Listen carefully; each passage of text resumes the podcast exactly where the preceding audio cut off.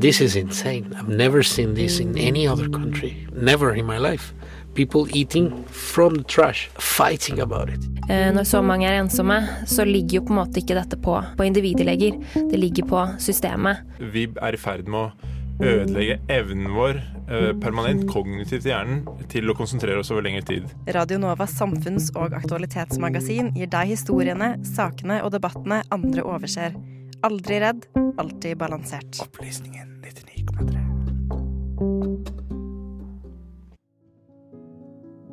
I år, 2023, gikk Nobels fredspris til den iranske menneskerettighetsforkjemperen Narges Mohammadi. Den fikk hun for hennes kamp mot undertrykking av kvinner i Iran, og hennes kamp for menneskerettigheter og frihet for alle. Denne kampen har ikke vært uten belastninger. Hun har til sammen blitt arrestert av myndighetene 13 ganger, blitt domfelt fem, og er totalt dømt til 31 år fengsel og 154 piskeslag. Hun sitter fortsatt i fengsel i Iran. Vi, Opplysningen, var på Nobelinstituttet under annonseringen, og vår reporter Alexander Klyve Gudbrandsen fikk muligheten til å stille noen spørsmål om hvorfor akkurat Mohammadi vant. Hei. Alexander Klyve Gudbrandsen fra Radio Nova, studentradioen i Oslo. Berit Reiss-Andersen, leder for den norske Nobelkomiteen, står ovenfor Alexander og svarer. Ja. Eh, Shirin Ebadi er jo en annen iransk rettighetsaktivist som har fått eh, fredsprisen. Eh, hvordan vil du si at eh, årets pris skiller seg fra Ebadi sin pris? Vel, jeg tror eh, det er jo mye av det samme. Eh, Narges Mohammedi har jo også arbeidet for det menneskerettighetsinstituttet som ble grunnlagt av Shirin Ebadi. Eh, Shirin Ebadi ble tvunget i eksil, som veldig mange iranske aktivister har blitt. Narges Mohammedi har valgt å bli. Det har hatt en utrolig høy kostnad for henne. Eh, men det er en utvikling. Uh, det er nye generasjoner som kommer til. Narges Mohammedi er en generasjon yngre uh, enn en Shirin Ebadi.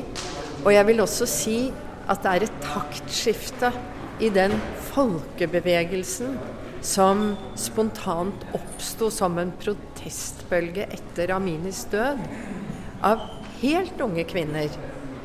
Tenåringer og unge kvinner som har vist et ufattelig mot og en stor oppfinnsomhet i hvordan man kan demonstrere, og kanskje gir en pekepinn om hvordan kvinner kan lage revolusjon. Jeg synes vi har sett en folkebevegelse hvor det er kvinnene som tar eierskap til hele protestbølgen, og på en ikke-voldelig måte. All volden som er utøvd i tilknytning til disse demonstrasjonene, det er fra myndighetenes side. Du nevnte òg i talen din at sånn som sosial rettferdighet, menneskerettigheter, demokrati, viktige forutsetninger for fred. Vil du utdype det litt i forhold til denne prisen? Det er et spørsmål som vi har tatt opp i mange fredspriser.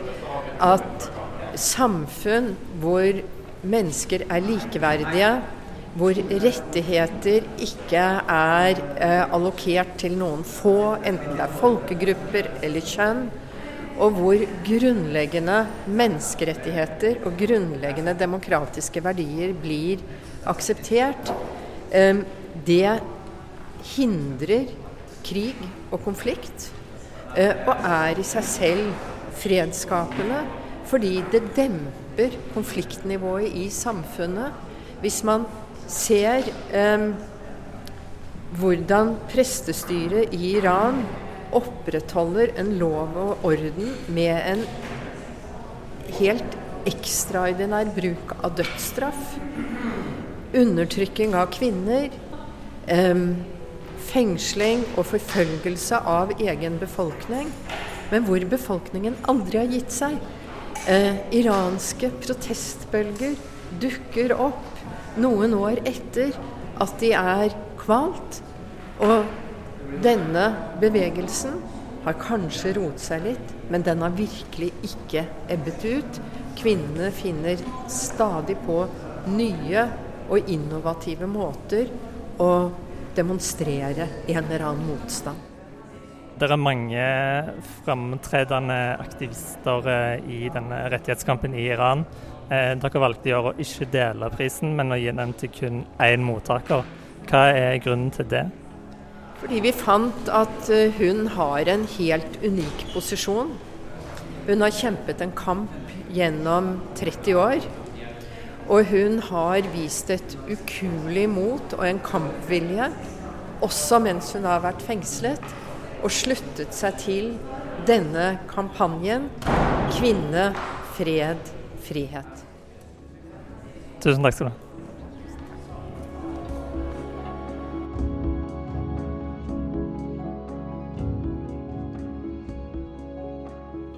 Medvirkende i saken var Lise Benus og meg, Alexander Klyve Gudbrandsen.